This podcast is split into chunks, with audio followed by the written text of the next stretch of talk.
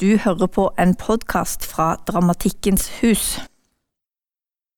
Du skal nå få høre Kim Hjortøy snakke, ikke akkurat om, Alice B. Toklas. Ja. Takk, takk. Um, uh, skal vi se Jeg starter en klokke. Um, jeg har tenkt uh, mest å lese tekst, bare. Um, jeg tenkte jeg skulle snakke om dramaturgi, men jeg kan ingenting om dramaturgi. Um, først tenkte jeg å spørre er det noen som ikke skjønner norsk her. Eller Is there someone who don't understand Norwegian except you? Nei, da gjør vi det på norsk. Um, jeg kan ingenting om dramaturgi, nei. Um, Så jeg tenkte at jeg skulle istedenfor snakke om øh, å prøve å komme unna dramaturgi, og særlig én måte å komme unna dramaturgi på, som er å øh, gjøre samme ting veldig mange ganger, eller bare gjenta Eller ikke gjenta, men å, å bruke repetisjon. Um, Forelesninga mi heter ikke egentlig om Alice B. Toklas, og det var fordi um, jeg ikke visste hva jeg skulle snakke om. Um, og fordi Morten Spongberg var her før og holdt en forelesning som het om Gertrud Stein.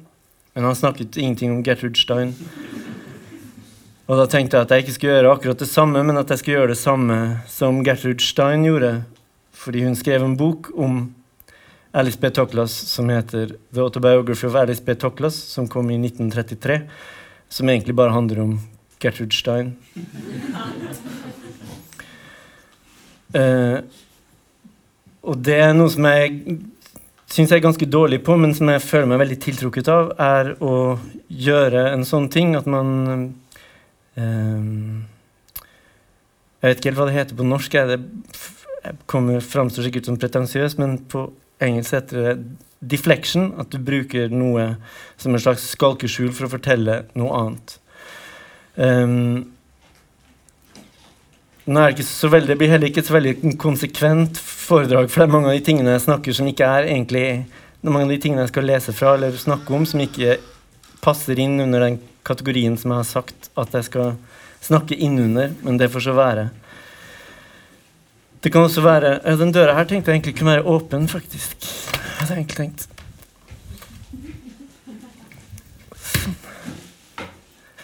Um, jeg har laga en film som heter The Rules for Everything. Så i de intervjuene jeg har gjort i filmen, så blir jeg veldig ofte spurt om forskjellige regler for ting.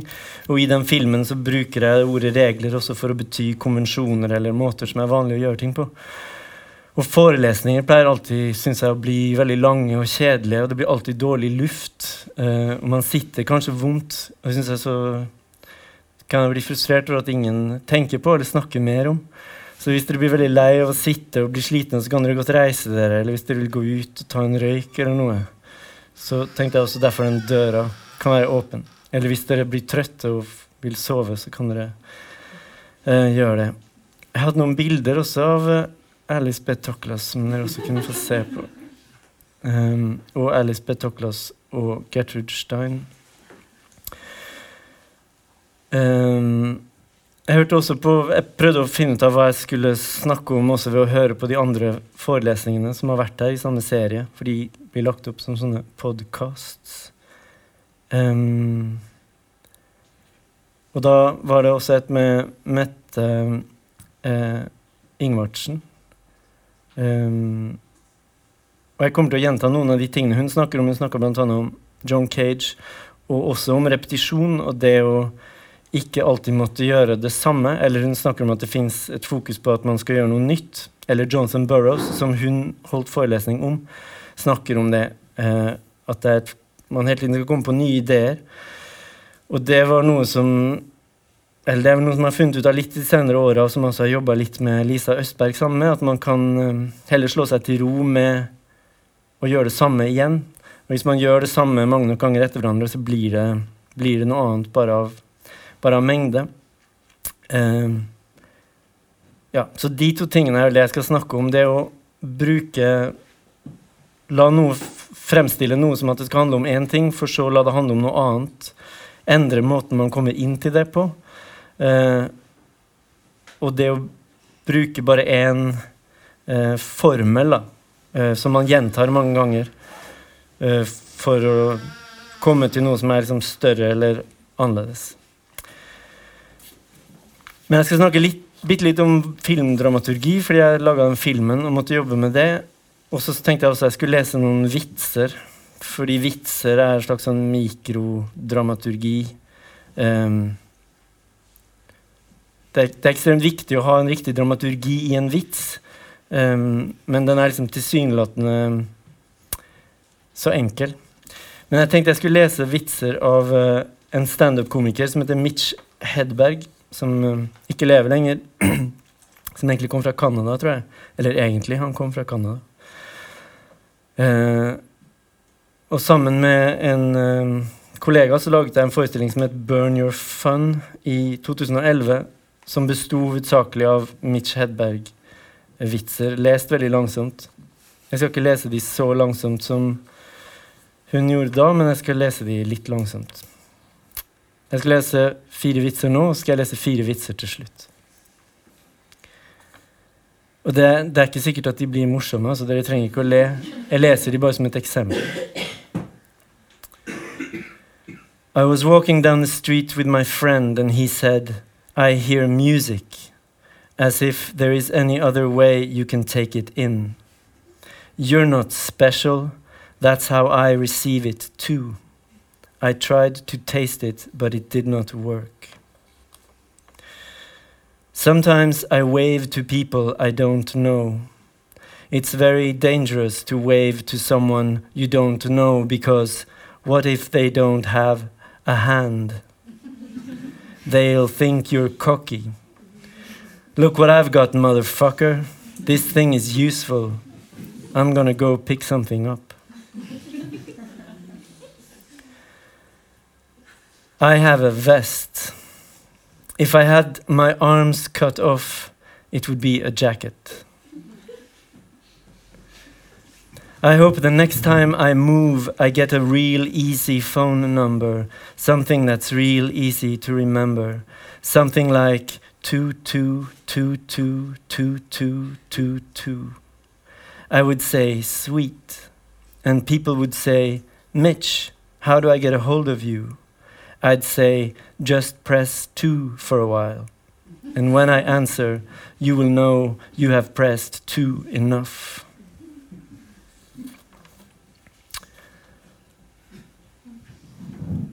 Så skal jeg lese et uh, dikt av en yngre engelsk poet som heter Emily Berry. Som heter Some Fears. Av og til er det ord som alle ikke kanskje vet hva betyr. I det diktet her er det eh, en beskrivelse av noe som er, heter leaf mulch. Vet dere hva det er? Det er liksom gamle, råtne blader i en haug som man kan bruke til, til noe. Eh, og dregs, vet dere hva det er? Det betyr bunnfall. Eh, og diktet går sånn. Some fears. Fear of breezes fear of quarrels at night time, fear of wreckage, fear of one's own reflection in spoons, fear of children's footprints, fear of the theory behind architecture, fear of boldness, fear of catching anxiousness from dogs, fear of ragged right margins, fear of exposure after pruning back, back ivy, fear of bridges, fear of pure mathematics, fear of cats expressing devotion, fear of proximity to self belief, fear of damp tree trunks, fear of unfamiliar elbows, all elbows being unfamiliar, even one's own, fear of color leaking from vegetables, fear of the mechanics of love affairs, fear of slipping, fear of ill conceived typography, fear of non specific impact leading to the vertical ejection of the spine from the body. Fear of leaf mulch, fear of the timbre of poetry recitals, fear of balcony furniture, fear of color leaking from the heart, fear of internal avalanche, fear of the notion of a key engaging with the inside of a lock, fear of psychoanalytical interpretations, fear of dregs, fear of book titles, fear of particular use of sky glimpsed from aeroplane windows.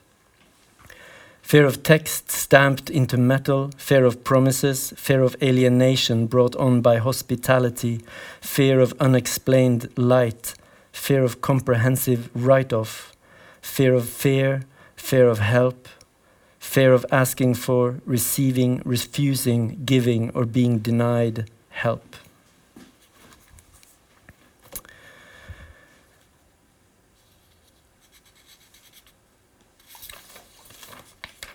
Ok, så først da til filmdramaturgi. Her er et bilde til av Alice B. Toklas, forresten, når hun ble gammel.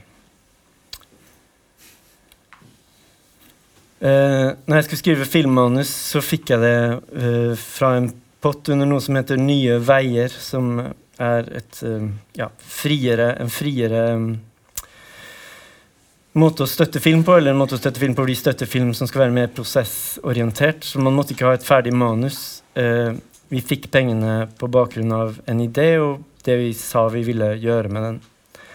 Um, så da måtte jeg skrive et manus, uh, og hadde aldri skrevet et filmmanus før. Så da leste jeg mye en bok som heter Into the Woods, av en forfatter som heter John York. Eh, som skrev mange kloke ting i den boka, men først og fremst så la han fram en sånn femaktsstruktur som ser sånn ut. Den første akten er set up, call to action. Andre akt things go well. Tredje akt things start to go wrong. Og så er det også et midtpunkt hvor noe radikalt endres. Eh, Fjerde akt Things Go Badly Wrong, og femte akt Crisis and Climax. Han snakka også om to andre ting som jeg syntes var fint. som var at Første akt er et slags speilbilde av femte akt. Uh, men veldig mye med at akkurat i midten av filmen så skjer det noe som endrer alt. Det ble jeg veldig opptatt av, så jeg begynte å gå Når jeg så filmer på internett, så pleide jeg å dra den der cursoren til midten for å se hva som skjedde der. Um, og det oppfordrer jeg deg til å prøve.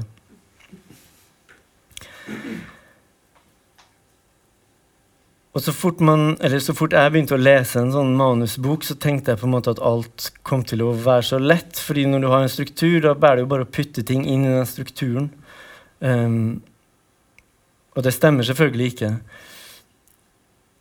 Um, men i en annen type en annen må, da, andre måter å strukturere ting på, som i det diktet til Emily Berry, hvor man bare har én idé, fair of, og så finner man på forskjellige ting, og så lar man det gå så langt man vil. Um, så kommer man, får jeg en følelse av at man kommer mye lettere til det. da. Men jeg har aldri klart å, å lage en sånn idé selv. Um, det er derfor jeg er veldig tiltrukket av det. Og det fins, har jeg skjønt, noe som vel kanskje kalles da konseptuell litteratur, som ligner litt på det som ofte kalles konseptuell kunst. At skriften på en eller annen måte handler om seg selv, eller at den tydeliggjør seg selv ved å øh, gjøre mekanikken med hvilken den er laga, tydelig. Uh, som film kanskje egentlig ikke skal gjøre. Dramaturgien skal kanskje være mer skjult. Man skal bli liksom sugd inn i historien, man skal følge en karakter, det skal være motivasjon. Um, ehm, Istedenfor at teksten handler om seg selv. Men det som ofte skjer, syns jeg, i de tekstene som jeg skal lese eksempler fra, er at strukturen er veldig tydelig i begynnelsen, eller formen heter det kanskje snarere, er veldig tydelig i begynnelsen. Uh, men jo lengre, jo mer den repeteres, så skjer det noe. Det vokser eller forsvinner og blir noe annet. Og det syns jeg er veldig besnærende. Jeg tror det er veldig vanskelig å komme på de ideene og få de til bra. Men um, men når det funker, så er det veldig fint. Så det er vel egentlig det jeg skal gjøre hovedsakelig nå, er å vise eksempler på det. Jeg tenkte jeg skulle starte med et eksempel fra billedkunsten. Um, og vise verk av On Kavara. Fordi jeg veit så lite om mange ting, så tenkte jeg også forsikre meg først om det ikke er noen her som veit mer. Er det noen her som vet veldig mye om On Kavara? Ingen? Nei, da kan dere se. Dette er On Kavara. Han eh, er død nå. Han levde fra 1932 til 2014. Jeg har lest litt på internett. Um,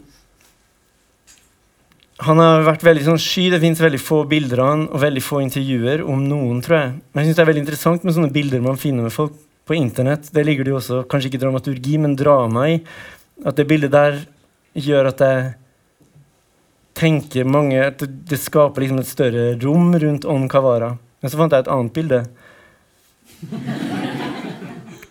Og det skaper et mye mindre rom, gjør han liksom mye mer mindre mytisk på et eller annet vis. Og jeg vet ikke hvorfor det er, men jeg syns det er interessant. da. Det er noe man kan tenke på hvis man er opptatt av bilder. Altså, Ikke det at ikke jeg tror dere tenker på det, men uh, hver gang jeg sier en mann, så mener jeg egentlig bare meg selv. Uh, han er mest kjent for de bildene her, som uh, han har laget nesten 3000 av.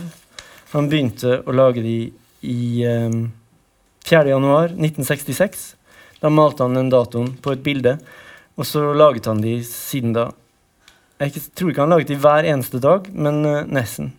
Og det er på en måte det en hel dags stykke arbeid. Han lagde mange andre veldig fine, bra verk også, så jeg vet ikke hvordan han fikk tid til alt. Og han levde et ganske alminnelig liv, etter hva jeg forstår. Han har barn og familie, levde i New York det meste av livet sitt. Um, og lagde disse bildene her. Og når man ser ett sånt bilde, så er jo det det er en dato og et år. Men hvis du går og ser en utstilling hvor det er veldig mange av dem, eller hvis man vet at det finnes nesten 3000 av dem, så får det en helt annen tyngde. Det skal også sies at det ikke bare var bildene. Han lagde også hver dag når han lagde de, så lagde han også en eske som bildet passet inn i. Han lagde de åtte forskjellige standardstørrelser. Eh, så noen er store, og noen er små, men de var liksom standardiserte. Eh, og så i den esken som han bygde til hvert bilde, så limte han inn eh, avissider fra dagens avis fra den byen eller stedet han var i. Som en slags ekko eller eh, avtrykk, bokstavelig talt, på det som skjedde den dagen. Um, I 112 forskjellige byer lagde han dem. Dette må være et av de større, men der kan dere se når det er en hel rad av de. Det er de eskene med bildet inni. Eller bildet er jo ikke inni, men det er inne der etterpå. Et annet verk han lagde hvor han sendte postkort til folk han kjente, og skrev når han sto opp. Det er jo igjen det samme, en repetisjon. I got up at 10.36 am. I got up at 7.28 am. I got up at 11.51 am. På det lille her kan jeg ikke lese hva som står. Han sendte også telegrammer hvor det sto at han fortsatt levde. Telegrammer fins jo ikke lenger, men de så sånn ut. Jeg kjente han til galleristen sin i New York, Paula Cooper. I am still alive, on Kavara. I am still alive. I am still alive. Og igjen er vel det at repetisjonen gjør det mye større enn hvis han bare hadde sendt ett. Fordi Hadde han sendt bare ett, ville man tenkt men herregud, har det skjedd noe? Er det en grunn til at han ikke skulle leve? Men sender man de hver dag, så nå blir det jo liksom plumpt, fordi jeg sier det, men opplevelsen av mengde eller størrelse gjør det til noe annet, for det insinuerer hele tiden at det skulle også kunne være sånn at man ikke skulle kunne være i live. Og det er jo et faktum. Um, ja, så jeg tror mye av det kjernen i mye av det jeg snakker om, er, handler jo egentlig om mengde, eller en slags begrensning og mengde sammen. Hvis man maler et maleri et monokromt gult maleri, så er det et monokromt gult maleri, men hvis du maler det i hele livet, så blir det noe annet. Um, nå skal jeg lese litt fra Italo Calvino. Uh, som jeg ikke vet om man kan kalle han en konseptuell forfatter, men han var um, han var med i en slags samling av forfattere av folk som kalte seg Olipo. Som også um, George Perec var en del av. Er det, mange her, er det mange her som vet mye om George Perec? Er det noen her som vet mye om Italo Calvino? Ja, kanskje litt. det er lov å ikke ville snakke om det også. Um, det kan være at jeg hoppa litt nå, men jeg leser bare fra den. Den boka her heter If on a Winter's Night a Traveler. Um, og den handler om seg selv på et vis. Så gjennom boka så er det Ja, dere kommer til å skjønne det. Jeg skal ikke snakke som jeg egentlig, egentlig hadde. Jeg bare tenkt at jeg mest skulle lese. Så nå leser jeg litt fra denne boka her. Jeg setter meg litt. Jeg skal bare lese en halv side. You're about to begin reading Italo Calvino's new novel, If on a Winter's Night a Traveler. Relax, concentrate, dispel every, every other thought. Let the world around you fade. Best to close the door. The TV is always on in the next room. Tell the others right away no, I don't want to watch TV. Raise your voice, they won't hear you otherwise. I'm reading, I don't want to be disturbed. Maybe they haven't heard you with all that racket. Speak louder, yell. I'm beginning to read Italo Calvino's new novel. Or if you prefer, don't say anything. Just hope they'll leave you alone. Find the most comfortable position seated, stretched out, curled up, or lying flat. Flat on your back, on your side, on your stomach. In an easy chair, on the sofa, in the rocker, the deck chair, on the hassock. In the hammock, if you have a hammock on top of your bed, of course, or in the bed. You can even stand on your hands, head down in the yoga position, with the book upside down naturally. Of course, the ideal position for reading is something you can never find. In the old days, they used to read standing up at a lectern. People were accustomed to standing on their feet without moving. They rested like that when they were tired of horseback riding. Nobody ever thought of reading on horseback, and yet now the idea of sitting in the saddle, the book propped against the horse's mane, or maybe tied to the horse's ear with a special harness, seems attractive to you. With your feet in the stirrups, you should feel quite comfortable for reading. Having your feet up is the first condition for enjoying a read. Well, what are you waiting for? Stretch your legs, go ahead and put your feet on a cushion, on two cushions, on the arms of the sofa, on the wings of the chair, on the coffee table, on the desk, on the piano, on the globe. Take your shoes off first. If you want to, put your feet up. If not, put them back. Now don't stand there with your shoes in one hand and the book in the other. Adjust the light so you won't strain your eyes. Do it now because once you've, you're absorbed in reading, there will be no budging you. Make sure the page isn't in shadow, a clotting of black letters on grey background, uniform as a pack of mice. But be careful that the light cast on it isn't too strong, doesn't glare on the cruel white of the paper, gnawing at the shadows of the letters, as in a southern noonday. Try to foresee now everything that might make you interrupt your reading. Cigarettes within reach if you smoke, and the ashtray. Anything else? Do you have to pee? All right, you know best. Um, ja, jeg hopper litt der, for jeg tenkte også jeg skulle lese en liten bit her. Skal vi se. Um,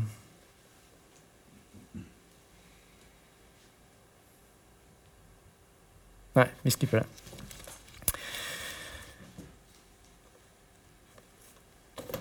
Ok, så før vi fortsetter, skal vi se, hva er det neste som kommer her? Nå er det bare en hvit farge.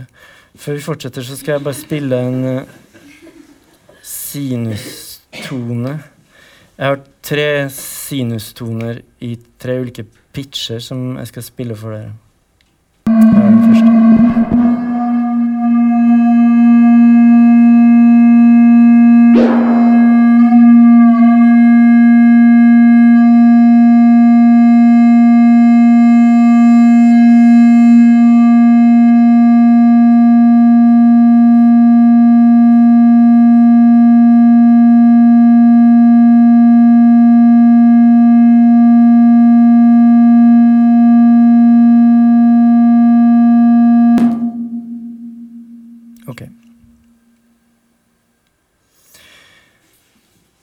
Nå skal jeg snakke litt om John Cage. I 1996 eller 1997 så kjøpte jeg eh, sikkert den mest kjente boka av John Cage, som heter 'Silence'. Så var jeg veldig opptatt av den. Um, ja, det fins jo Er det noen her som vet veldig mye om John Cage, forresten? Boka består mest av forelesninger som han skrev eller holdt. Hvor mye de er tekster i seg selv, eller hvor mye de er manus til forelesninger, er jeg ikke sikker på. Det kanskje man skal bestemme selv. Men han har en forelesning som heter Indeterminacy, som jeg likte veldig godt. Som, som på en eller annen måte eh, ja, har en slags klangbunn i forhold til historiefortelling og dramaturgi. Som er en serie korte fortellinger bare fra hans eget liv. Um, og så er det et system i det, ikke et system, men det har en veldig streng form, som er at hver fortelling skal vare i ett minutt. Så de lange fortellingene må man lese veldig fort, og de korte fortellingene må man lese veldig langsomt. Så det handler egentlig om rytme og duration. Um, og i boka så ligger de forskjellige fortellingene etter hverandre i den forelesningen, men de er også spredd rundt mellom inni de andre forelesningene, eller tekstene. Så nå skal jeg lese bare en kort en av de. Og det er vel noe annet her som også kommer mer og mer i de fortellingene, at de er eh, Eller flere av bøkene er selvbiografier på en eller annen måte. Som boka til Gertrude Stein om Alice B. Toklas gir seg ut for å være en selvbiografi om Alice B. Toklas, men er i virkeligheten en selvbiografi om Gertrude Stein. Um, og disse tekstene er også da selvbiografiske, selv om de ikke er liksom en del av et slags selvbiografisk prosjekt. Um, så er de det. I went to a concert upstairs in Town Hall. The composer whose works were being performed had pro provided program notes. One of these notes was to the effect that there is too much pain in the world. After the concert, I was walking along with the composer, and he was telling me how the performances had not been quite up to snuff. So I said, Well, I enjoyed the music, but I didn't agree with the program note about there being too much pain in the world. He said, What? Don't you think there's enough? I said, I think there's just the right amount.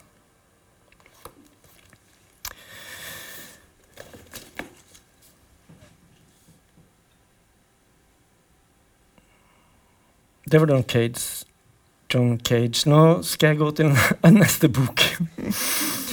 um, tror jeg Skal jeg ikke gjøre det? Um,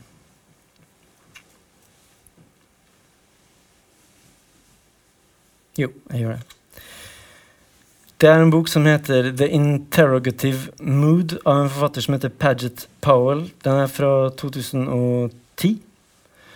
Um, Paget Powell underviste i skriving, om han ikke gjør det ennå, på University of Florida. Um, så fikk han en fellesmail fra noen på fakultetet som skrev noe sånt som henhold til han selv. da. Is it time for our esteemed director to have a chat with the provost about the autonomy of our program? Are we remembering that we were promised Are we, are we remembering what we were promised last spring by the Dean? Are we going to be content to let history again repeat itself? Så sier han at En morgen så begynte han bare å skrive et svar. Han ble liksom så lei av de spørsmålene eller provosert, så han skrev tilbake til alle. Are your emotions pure? Are they the true signal of heroes? Are they the alloyed mess of the beaten?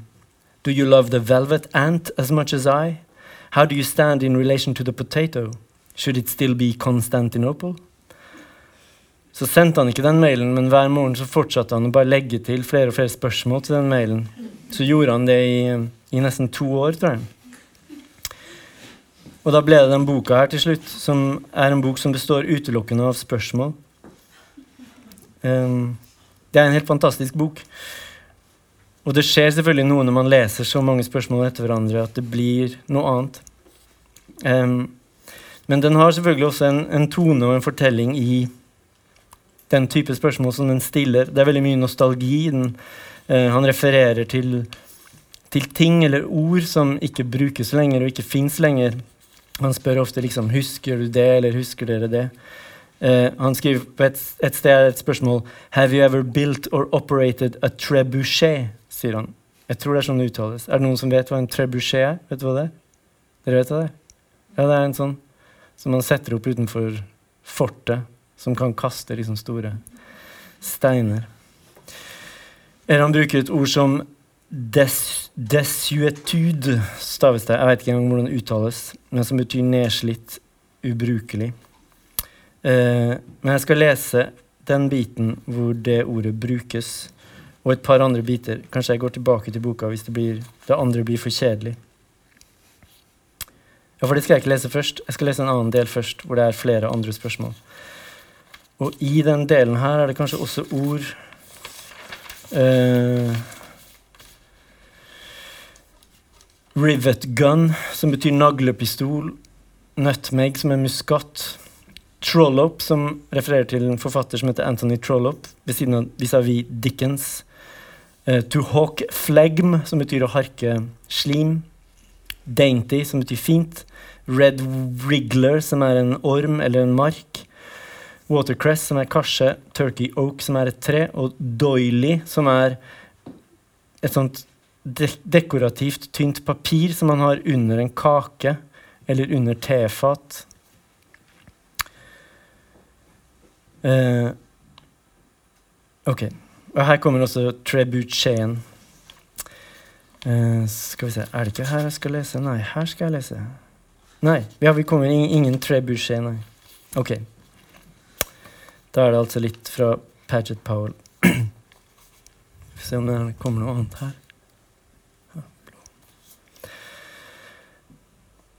What is the name of the last person with whom you enjoyed sleeping? What things or people would you use the word hardy to describe?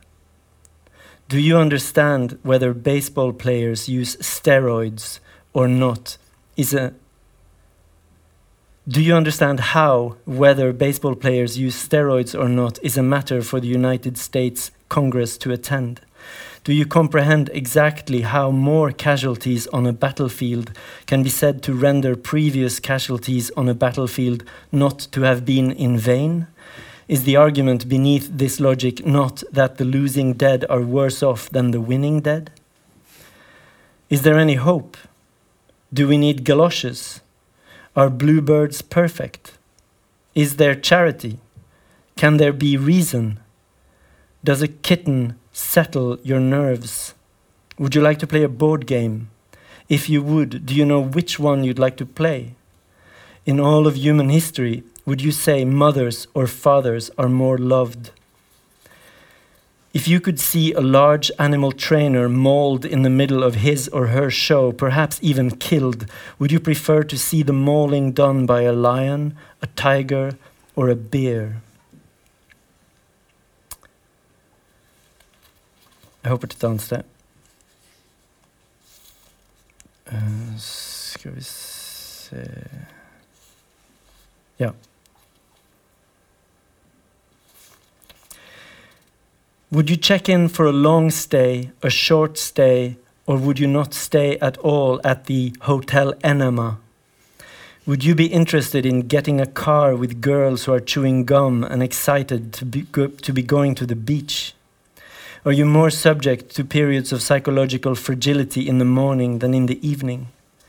If Julia says, Jacques and I are vegetarians, and Jacques says, but we eat meat too, and Julia then says, we eat everything, is this amusing to you or inane? In your family history, is there any mention of an aging relative throwing feces at a grandchild? Do you enjoy seeing airplanes right with smoke in the sky? Would you prefer to see the earth flood or burn totally up? Do you favor any particular kind of fountain? Do you get satisfaction from wrapping up a bag of garbage and getting it out of the house? Do you like to make stock? Do you have a rivet gun or a hot glue gun? Would you say your man is Dickens or Trollope? Have you ever counted tree rings? Would you rather spend time with gangsters, with pornographers, or with professional dancers? Do you wonder why, if there is, say, vanilla Coke and cherry Coke, and if the global market is the thing, why there is not, say, nutmeg Coke and cumin Coke and anise Coke and garlic Coke and sour braten Coke and horseradish Coke and chili Coke and coconut Coke and lemongrass Coke? Have you lost your mind? Mind? Do you like to dance in the rain in your tight underwear? Do you hawk phlegm? Is there a number of children that should never be exceeded in your immediate presence? Does the term Bogolusian mean anything to you? If you found yourself in a bull ring with a bull in it, would you start running immediately or would you wait until the bull took an interest in you and base your move on his? Would you drink something called a plumber's concoction? Would you object to any part of your person or character or any part of your behavior being called dainty? Is the idea of living in, living in a shack attractive? Can you abide red wrigglers or do you prefer the solid sand gravity of a good thick earthworm? Would a vegetarian who objects to meat on moral grounds be able to participate with a clear conscience, conscience in prescribed burning of forests? Do birds defecate from aloft when in established flight? Can a car body not be made of copper? Have you taken game from artificially confined population of it, such as are on a hunting plantation and in trout ponds? What is the age past which you do not wish to see someone naked? Do you fancy watercress? Og så videre. Um, ja. Kanskje jeg skal lese mer fra den seinere. Um, nå er jeg sånn omtrent halvveis ut i, så derfor så tenkte jeg vi skulle ha et slags midtpunkt. Da har jeg tenkt å slukke lyset. Tror jeg. Se om det blir noen forskjell. Kan vi slå av der òg? Nei, det er sånn, du.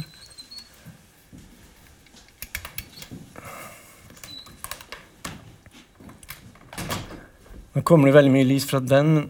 Vi kan gå igjennom i bildene her, kanskje, så blir det en litt annen Til det kommer en mørkere farge.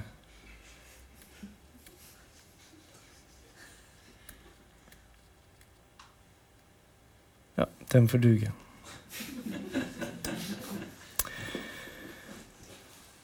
Um, nå skal jeg lese litt fra en, en, samling, en boksamling, som da gir seg ut for å være om konseptuell skriving. Um, det er masse strategier her som minner om strategier som jeg kjenner igjen fra billedkunst. Men fordi det er tekst, så blir det og har tid i seg, så blir det historiefortelling mye fortere.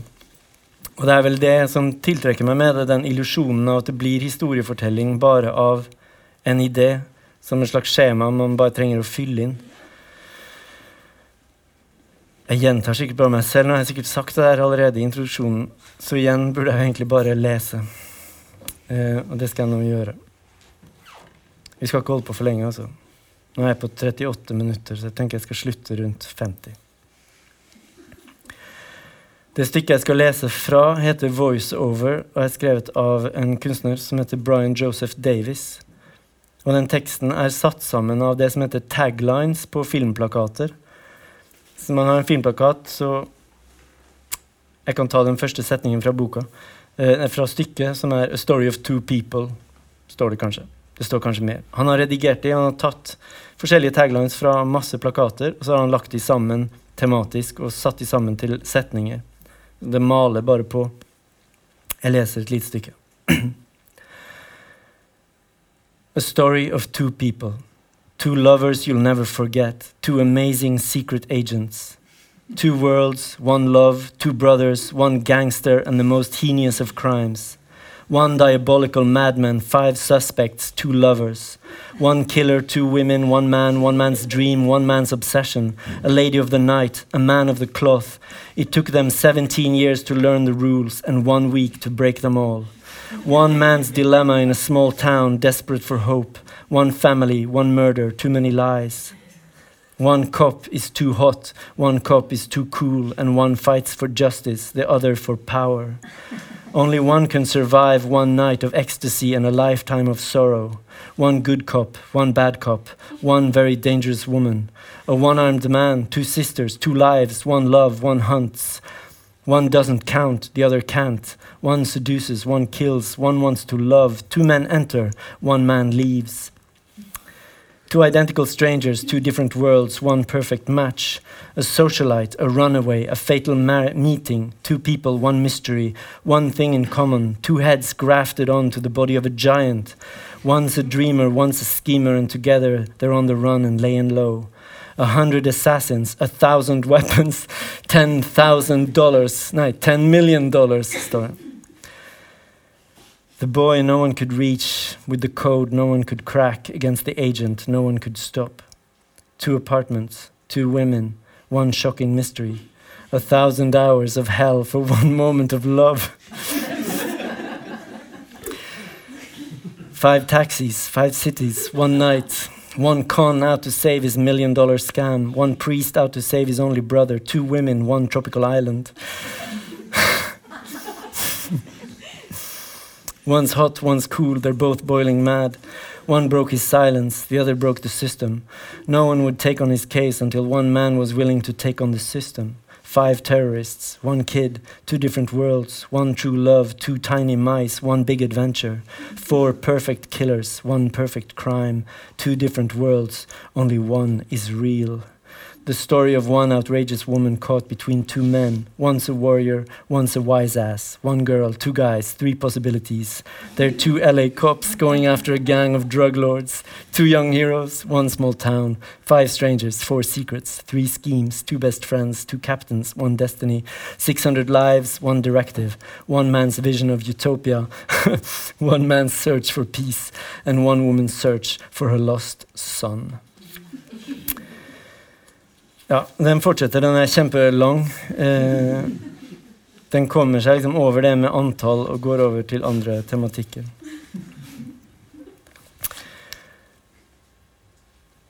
Um, jeg skal lese en annen tekst fra samme bok uh, av en annen uh, forfatter som heter Ron Silliman. Um, og det er jo egentlig også nøyaktig samme idé som Paget Powell. Det er bare spørsmål, men de er um, oppleves i hvert fall for meg som mer random, mer frie. Um, blir ikke så fort en fortelling som det det blir hos Paget Powell. Jeg skal bare lese kort. Det er fra Teksten heter 'Sunset Debris'.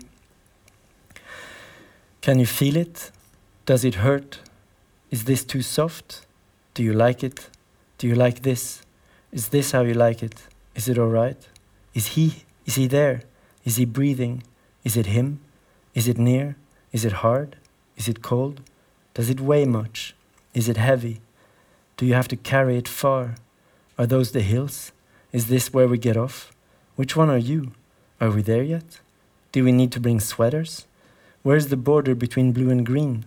Has the mail come? Have you come yet? Is it perfect bound? Do you prefer ballpoints? Do you know which insects you most, insect you most resemble?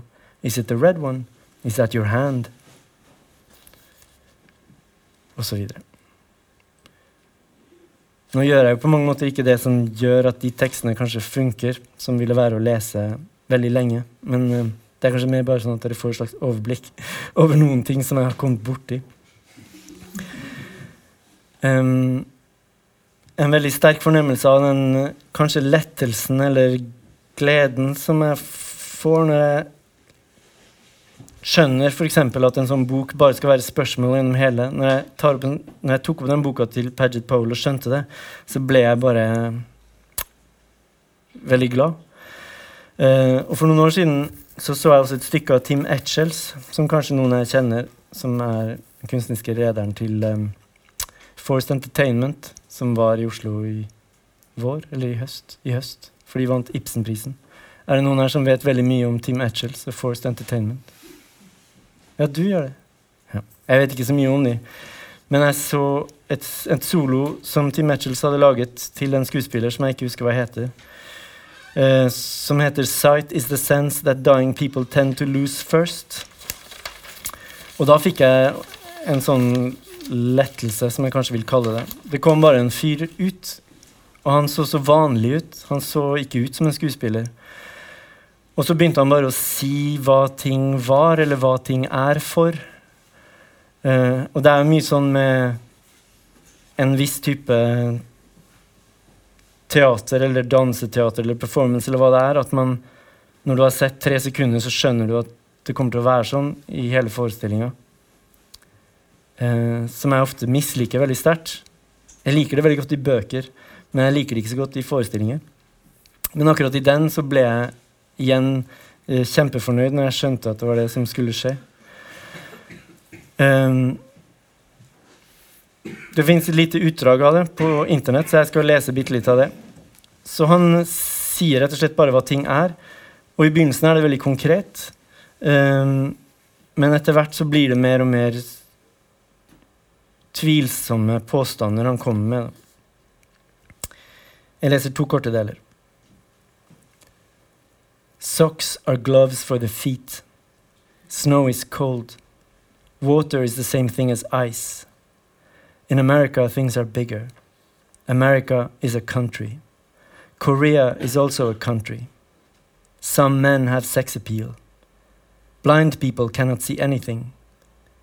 Burglars are men that go into houses and take things which do not belong to them. Mist is like smoke, but it comes without fire. The telephone is an amazing invention. A mouse that is dead is sometimes referred to as a specimen. Love is difficult to describe. Fire is what happens when things get very hot. Og så er det et utdrag fra senere i stykket. Det varer omtrent en time. Og det er alt som skjer. A table has four legs. A prison cell has four corners. A window is an opening in the wall of a room built by people who want to see outside. A hostage is a prisoner used to bargain with. A bargain is a deal or an arrangement where one person has one thing and the other wants it, and the first person has something that the other wants, and they make an exchange so that each is more happy. A fart is a gas that, ex- that escapes from the body. Torture is a way of hurting people in the belief that this will make them tell you things you need to know. Some bridges fall down under specific circumstances. A layer of ozone protects us from the rays of the sun. Lions, horses, and women can make interesting subjects for statues. Um, det er flere av Forced Entertainment eller Tim Etchell sine stykker som baserer seg på lignende idé. At det er en Eller baserer seg på den måten på en idé som gjentas. De har også et fantastisk stykke som også ble vist her i Oslo, som kanskje noen av dere så, som heter And on the Thousandth Night. Hvor de improviserer begynnelser på fortellinger og avbryter hverandre. Uh, som varer i seks-sju timer, tror jeg det er.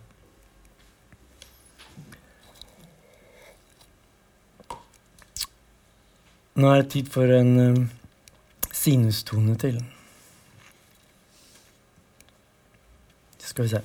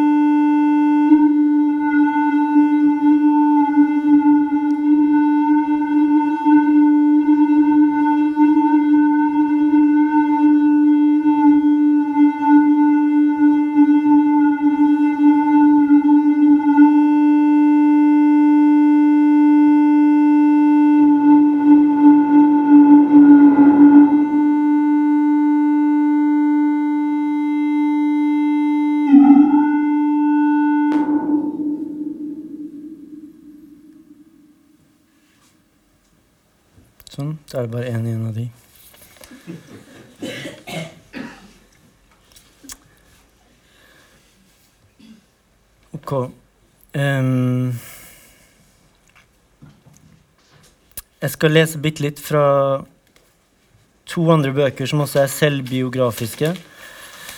Og så skal jeg på en eller annen måte vri det inn mot å snakke om en kunstner som heter Li Lozano. Er det noen her som vet veldig mye om Li Lozano? Ingen? Henne bør dere sjekke ut. Um, og så skal jeg avslutte med noen vitser. Da skal jeg lese først litt fra en bok av en fransk forfatter som jeg vet veldig lite om, bortsett fra at han også tok sitt eget liv og også laget billedkunst. Uh, han heter Edouard Levé. Og han skrev en bok som heter 'Selvportrett', uh, som uh, kom ut i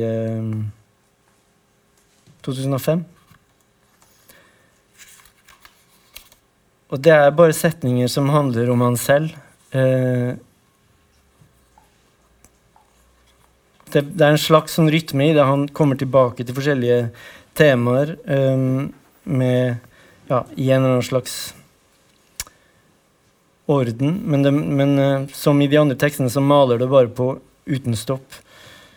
Det føles mindre gjentagende fordi det er um, Ja, jeg vet ikke hvorfor. Jeg skal lese en liten bit som handler om å lese bøker. Siden det er det vi, jeg gjør, så tenkte jeg at det også kunne forhandle om seg selv. Um, nå skal jeg åpne den døren her litt igjen.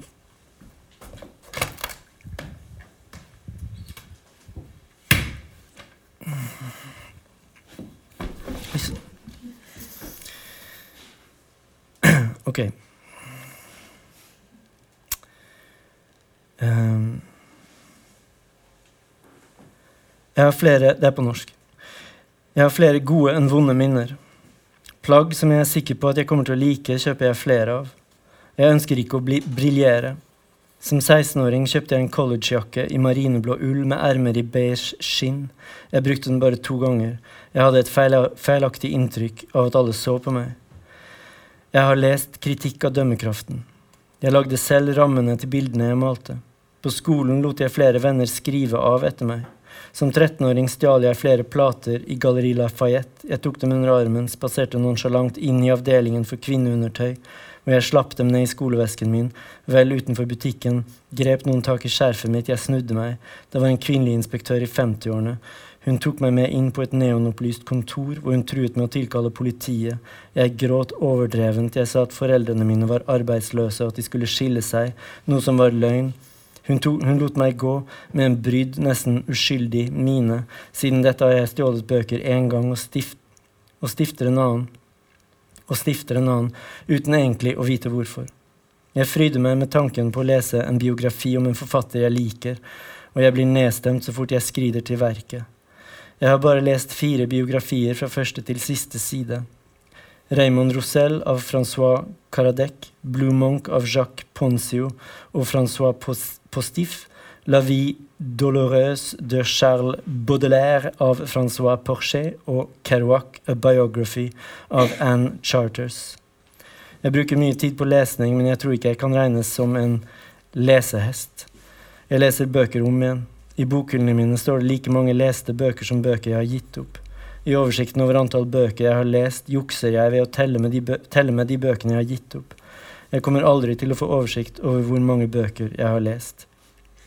Raymond Rosell, Charles Baudelaire, Marcel Proust, Alain Rob Grillet, Antonio Tabucci, André Breton, Olivier Cadiot, Jorge Luis Borges, Andy Warhol, Gertrude Stein, Gerasim Luca, Georges Perec, Jacques Roubaud, Joe Brainard, Roberto Juaros, Guy Debord, Fernando Pessoa, Jack Kerouac, La Rochefoucauld, Balthazar Gracian, Roland Barth, Walt Whitman, Natalie Quintan, Bibelen og Brett Easton Ellis er viktige for meg. Jeg har lest mindre i Bibelen enn i Marcel Proust. Jeg liker Nata Nathalie Quintan bedre enn Balthazar Gracian. Guy Debord er like viktig for meg som Roland Barth. Jeg smiler mindre av Roberto Juaros enn av Andy Warhol. Jack Kerouac gir meg, leve, gir meg, mer lyst til å leve enn Charles Baudelaire. La Rochefoucauld gjør meg mindre deprimert enn Brett Easton Ellis. Oliver Cadiot gjør meg gladere enn André Breton. Joe Brainard er mindre positiv enn Walt Whitman. Raymond Roussel overrasker meg oftere enn Balthazar Gracian, men Balthazar Gracian gjør meg mer intelligent. Gertrude Stein skriver mer vanvittige tekster enn Jorge Louis Borges. Det er lettere for meg å lese Brett Easton Ellis på toget enn Raymond Roussel. Jeg kan mindre om Jacques Robot enn om Georges Perec. Kerasim Luca er den mest desperate. Jeg kan ikke si at Alain Robgrie og Antonio Tabucci har noe til felles. Jeg er alltid redd for å forbigå noen når jeg lager navnelister. Jeg leser en halvtime før jeg slukker lyset. Jeg leser mer om morgenen og kvelden enn om ettermiddagen. Jeg leser uten briller. Jeg holder det jeg leser 30 cm fra øynene. Det tar fem minutter før jeg får god flyt i lesningen. Jeg leser bedre uten sko og bukser. På kvelden med fullmåne på kvelder med fullmåne er jeg euforisk uten grunn. Jeg leser ikke på stranda. På stranda syns jeg først det er kjedelig, så venner jeg meg til det, og til slutt klarer jeg ikke å dra hjem igjen. Han nevner Joe Brainard, så nå skal jeg lese litt fra Joan Brainard sin selvbiografi som heter I Remember, som er en fin liten bok. Skal vi se. Vi skal bare gå litt videre her òg. Joe Brainard var født i 1942 og døde i 1994. Han var også kunstner og grafiker ved siden av å være forfatter. Eh, han har skrevet andre ting enn denne boka, her, men den er absolutt den mest kjente. Og som med de andre tingene jeg har lest fra, så er det en fast form som er at hver, hver, lille, hver lille del begynner med 'I remember'. Um, den har også mye nostalgi og handler liksom om hans barndom. Så den handler på en måte mye om 50- og 60-tallet. Uh, jeg skal bare lese noen sider fra begynnelsen. I remember the first time I got a letter that said, after five days, return to, on the envelope. And I thought that after I had kept the letter for five days, I was supposed to return it to the sender. I remember the kick I used to get going through my parents' drawers looking for rubbers. I remember when polio was the worst thing in the world. I remember pink dress shirts and bowler ties. I remember when a kid told me that those sour clover like leaves we used to eat with little yellow flowers tasted so sour because dogs peed on them. I remember that didn't stop me from eating them. I remember the first drawing I remember doing. It was of a bride with a very long train. I remember my first cigarette. It was a Kent, up on a hill in Tulsa, Oklahoma, with Ron Paget. I remember my first erections. I thought I had some terrible disease or something. I remember the only time I ever saw my mother cry. I was eating apricot pie. I remember how much I cried seeing South Pacific, the movie, three times. I remember how good a glass of water can taste after a dish of ice cream. I remember when I got a five year pin for not missing a single morning of Sunday school for five years. I remember when I went to a come as your favorite person party as Marilyn Monroe. I remember one of the first things I remember an icebox as opposed to a refrigerator. I remember white margarine in a plastic bag and a little package of orange powder. You put the orange powder in the bag with the margarine and you squeezed it all around until the margarine became yellow. I remember how much I used to stutter. I remember how much in high school I wanted to be handsome and popular. I remember when, in high school, if you wore green and yellow on Thursday, it meant that you were queer. I remember when, in high school, I used to stuff a sock in my underwear. I remember when I decided to be a minister. I don't remember when I decided not to be. I remember the first time I saw television. Lucille Ball were taking ballet lessons. I remember the day John Kennedy was shot. I remember that for my fifth birthday, all I wanted was an off one shoulder black satin evening gown. I got it, and I wore it to my birthday party. I remember a dream I had recently where John Ashbery said that my Mondrian period paintings were even better than Mondrian. I remember a dream I had ha have had often of being able to fly without an airplane. I remember many dreams of finding gold and jewels. I remember a little boy I used to take care of after school while his mother worked. I remember how much fun it was to punish him for being bad. Og det, sånn går hele den boken. Og blir eh, en mye lengre og større historie enn den tilsynelatende er når man leser litt av den.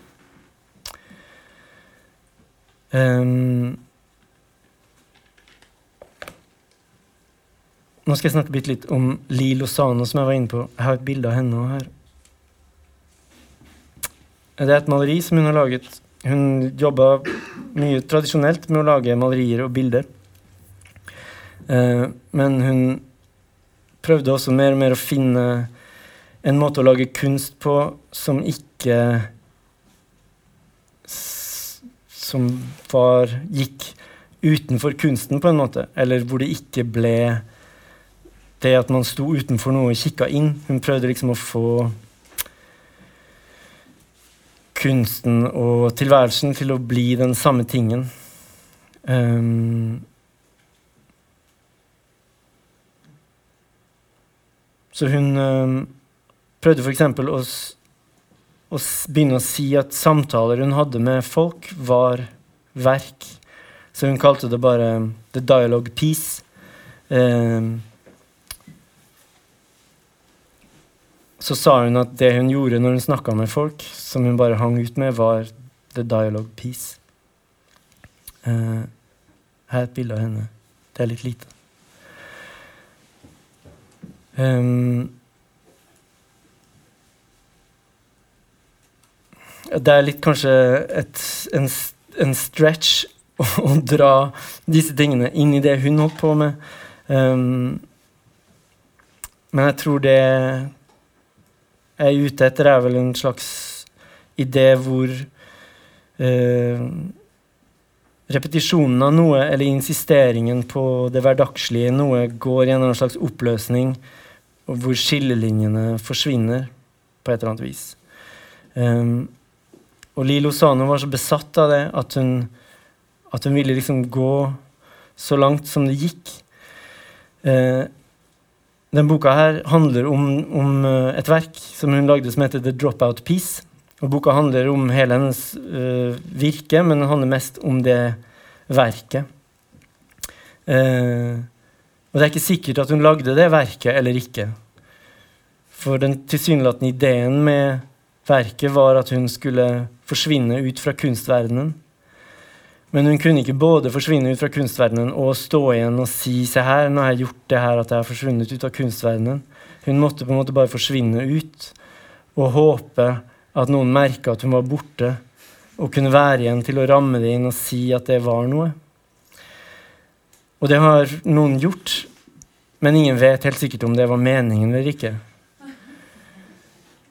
Det er en veldig stor tragedie i hennes historie, fordi hun, hun droppa liksom ikke bare ut av kunstverdenen, men hun droppa litt, litt ut av livet. Hun ble, hadde ingen penger igjen, ble veldig syk. Hun fikk kreft og flytta inn hos mora si og levde der et veldig konfliktfylt uh, forhold med henne til hun døde. Uten venner og uten uh, penger. Um, men det fins noe veldig um, inspirerende i den dedikasjonen og i det forsøket um, på et eller annet vis. Um, ja. Så jeg leser uh, et, uh, en notis fra henne som hun har skrevet i en notisbok. Om, ikke om The Dropout Piece, som hun bare diskuterer muligheten for men aldri liksom erkjenner helt, men om The Dialogue Piece. Eh, fordi den tangerer de andre tingene jeg har lest fra. Det er veldig kort. The dialogue piece comes the closest so far to an ideal I have of a kind of art that would never cease, returning feedback to me or to others, which continually refreshes itself with new information, which approaches an ideal merger of form and content, which can never be finished, which can never run out of material, which doesn't involve the artist and the observer, but makes both participants, artist and observer, simultaneously, which is not for sale, which is not difficult to make, which is inexpensive to make, which can never be completely understood, parts of which will always remain mysterious and unknown, which is unpredictable and predictable at the same time. In fact, this piece approaches having everything I enjoy or seek about art. And it cannot be put in a gallery, although some aspects of it could be exhibited if, if so desired. What if I stopped doing different pieces and just did the dialogue piece for the rest of my life as my work? I could move to an exotic place and do it there. It has no space or time boundaries. Uh, og Det er vel mye med disse uh, tekststykkene òg, at de teoriene bare kunne fortsette. De har egentlig ingen nødvendig eller naturlig slutt. Og på den måten ligner de kanskje noe mer som er sånn derre eh, tilværelsesaktig. Ok, nå skal vi spille den siste sinustonen, og så skal jeg lese de siste fire vitsene. Og så kan dere få stille noen spørsmål hvis dere vil, eller så er det ferdig. Uh, den er litt dypere. Her kommer den.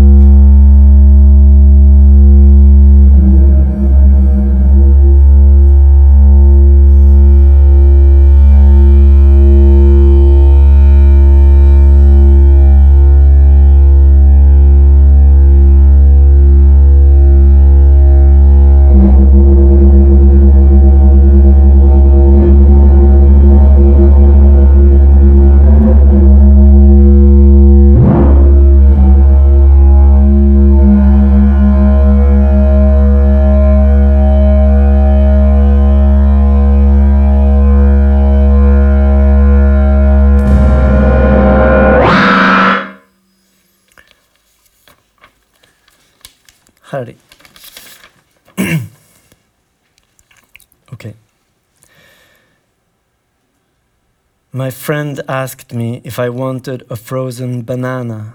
I said, no, but I want a regular banana later, so yeah. On a stoplight, green means go and yellow means slow down. But on a banana, it's just the opposite. Green means hold on, yellow means go ahead, and red means where the fuck did you get that banana at? this is what my friend said to me. He said, Guess what I like? Mashed potatoes. It's like, dude, you've got to give me time to guess. if you're gonna quiz me, you must insert a pause in there. My lucky number is 4 billion. that doesn't come in real handy when you're gambling. Come on, 4 billion. Fuck, 7. Not even close. I need some more dice. 4 billion divided by 6, at least. Snake eyes. I just said snake eyes. That's a gambling term. Or it's an animal term too. Takk.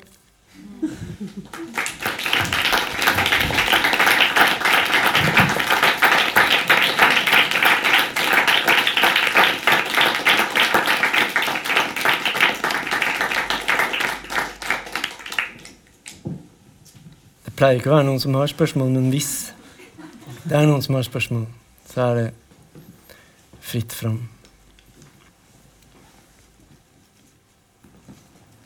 Det er også noe tenker jeg ofte på liksom, hvor lenge man venter Før man sier ok, da er det ingen spørsmål. Det begynner å bli sånn ukomfortabelt. Men da tror jeg vi sier det, at det ikke er noen spørsmål. Takk.